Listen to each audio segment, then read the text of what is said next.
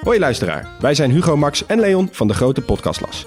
Wij zijn drie geografen en elke week behandelen wij een ander land. We bespreken onder andere de geschiedenis, politiek, natuur, maar ook de sport, de muziek en natuurlijk het eten. De nijlpaarden van Pablo Escobar, de vele bunkers van Albanië en het verschil tussen een sheik en een emir zijn zomaar wat voorbeelden die langskomen. Maar we bespreken ook de geopolitieke invloed van China in Afrika en de impact van het Europese kolonialisme. Luister dus wekelijks naar de audioversie van de Atlas, de Grote Podcastlas.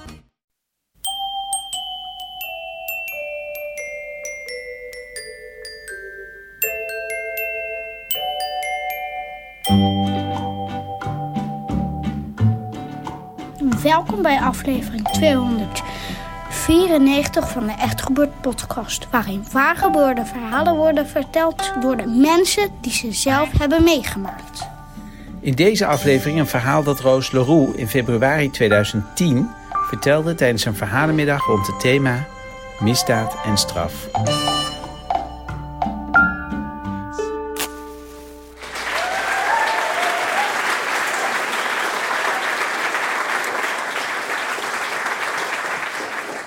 Hallo. Het verhaal dat eh, ik ga vertellen gebeurde mij een, eh, een paar jaar geleden. Ik eh, woonde toen net in Amsterdam. Ik had mijn theaterleiding afgerond en ik ging verhuizen naar Amsterdam om werk te zoeken. Maar ik woonde daarvoor in Utrecht. En ehm, ik had moeite om te aarden in Amsterdam. Ik vond het lastig. En zo kwam het dat ik een beetje half in Amsterdam woonde en half in Utrecht. Want in Utrecht, of eigenlijk vlak buiten Utrecht, was een heel groot kasteel. Het was een gekraakt kasteel. Een oude baronessenwoning. En daar woonden zo'n twintig man. En, eh, en daar sliep ik dan vaak. En ik werkte ook nog in een cafeetje in Utrecht. En dan uh, s'nachts, als ik uitgewerkt was, dan fietste ik alleen naar die baronessenwoning daar in de beeld. En voordat je daar uh, kwam, moest je over een hele donkere, stille weg, waar nauwelijks licht was. En uh, nou ja, ik deed dat gewoon, want twintig mensen deden dat, dus waarom zou ik dat niet doen? Dacht ik toen. Maar um, ik ging daar dus, uh, op een avond was ik klaar met werken, het was al laat in de nacht. En ik fietste eerst een stuk door de stad. En er kwam, ik hoorde een scootertje achter me. Hij reed een beetje langzaam en het scootertje haalde mij in. Ik was op de fiets en uh, ik dacht, nou ja, het zal wel. Het scootertje ging naar rechts, stopte. En toen had ik de gedachte, niemand heeft het recht om mij iets aan te doen. Ik op mijn fiets, ik denk, nou, wat een stomme gedachte. Op dat moment kijk ik achterom. En komt er op me afrennen een jongen die net op de scooter zat met een dikke vette helm op. Rent keihard op me af. Ik fiets. Ik denk nog, ah, snel sneller fietsen. Maar ik zat ook op een heel oud krot, dus ik kon doortrappen, doortrappen. En die, uh, die jongen, die, nou, hij haalt mij in. Hij, hij grijpt mij. En op dat moment moest ik denken aan een verhaal dat mijn tante heel vaak had verteld. En dat is heel gek, want het is één seconde. En in één seconde kan een heel verhaal in één keer door je hoofd schieten op zo'n moment. Mijn tante was namelijk um, overvallen in haar eigen buurt in Amsterdam. En uh, die was toen heel hard gaan schreeuwen. En dat had ze heel vaak aan ons verteld. Dus ik dacht, oké. Maar uiteindelijk was het bij haar niet zo goed afgelopen. Want die, maar ze zei, die overvallers, die schrokken enorm van dat ik zo begon te schreeuwen. Ze raakten helemaal in de war. En uh, uiteindelijk waren ze er wel met haar portemonnee vandoor gegaan. En had een vriendin van haar had het uh, vanuit haar raam gehoord. En die had het raam dicht gedaan. En de volgende dag tegen mijn tante gezegd: Ik hoorde toch zo'n geschreeuw hier vannacht. Ik heb het raam dicht gedaan. Maar goed, dat hele verhaal ging dus in één seconde door mijn hoofd. Toen dacht ik: Oké, want ik kan super hard schreeuwen. Ik wist ook, ik kan echt super hard schreeuwen. Dus ik begon gewoon keihard te schreeuwen. Echt keihard. Dus die jongens echt, wow, ze raakten inderdaad in de war, maar ze, ze gingen niet weg. Nee, die andere jongen kwam erbij en ze, met z'n tweeën drukten ze mij op de grond. Ik maar, en uiteindelijk had die ene jongen zijn hand op mijn mond en ik lag daar zo. En, uh, en het was eigenlijk wel uh, apart, omdat ik was totaal niet bang. Ik voelde me uh, ook door die sterke gedachte van uh, niemand heeft het recht om mij iets aan te doen, voelde ik voelde me totaal in het moment. Ik voelde me totaal uh, in contact ook met die jongens. En ik voelde met echt een, een zekerheid van 100% dat zij mij geen kwaad wilde doen. Dus ik voelde van, ik ben op een of andere manier super veilig nu. Ondertussen lag ik nog steeds op de grond met twee jongens bovenop me. Met hun hand op mijn mond.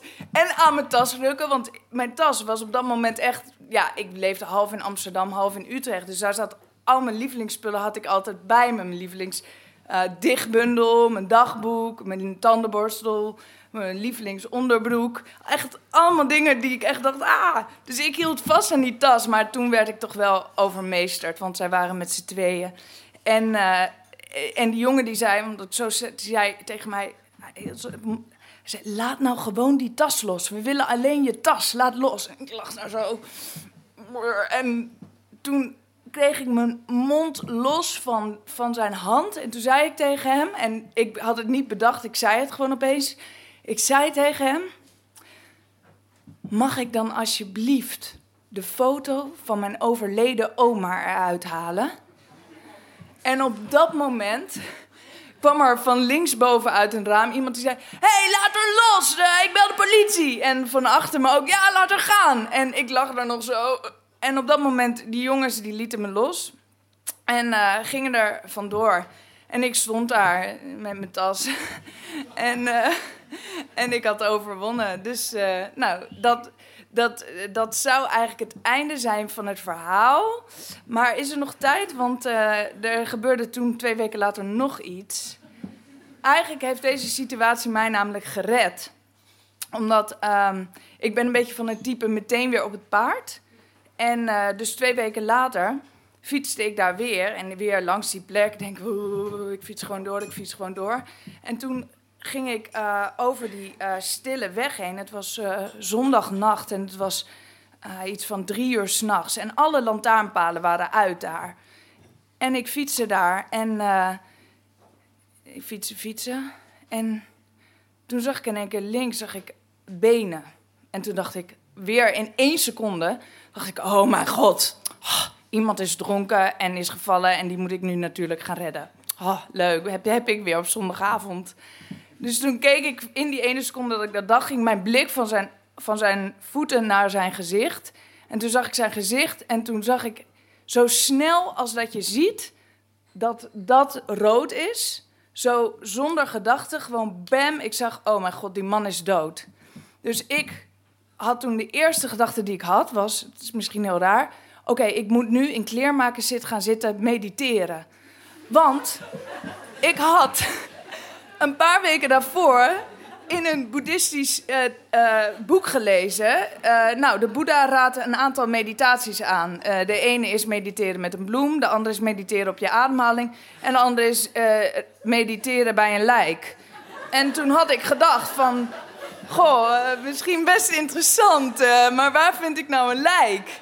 En ja, dat is echt waar. En de, dus ik fietste daar zo en ik zag dat die man dood was. Maar gelukkig was ik twee weken daarvoor overvallen. En was mijn collega wakker gebleven. Want die zei: Roos, ik blijf wakker totdat jij daar thuis bent. En, uh, en dan moet je me even bellen dat je veilig thuis bent gekomen. Dus ik, ik fietste gewoon door.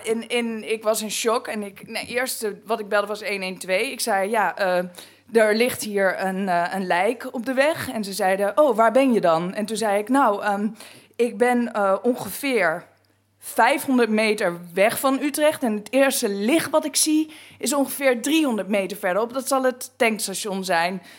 Dus oké, we komen eraan. Op, ik zo, ja, uh, wat nu? Ze zeiden nog van, um, ja, je moet daar even blijven wachten, zodat wij kunnen zien waar het is. Ik echt zo, oké, thrilled ik snel mijn collega bellen. En toen heb ik met hem iets van vijf tot tien minuten aan de telefoon gehangen. En gezegd: Oké, ik sta hier bij een man die dood is. En ik weet even niet wat ik moet doen. En um, nou, toen uiteindelijk uh, kwam de politie. En uh, die hebben daar een doek overheen gelegd. En hebben mij voor een tweede keer, dus in één maand, met een politiebusje naar dat kraakpand toegebracht. Waar twintig krakers woonden, die altijd van Utrecht naar de beeld fietsen, maar met wie nog nooit iets overkomen was. En uh, dat was mijn verhaal. Bedankt voor jullie aandacht.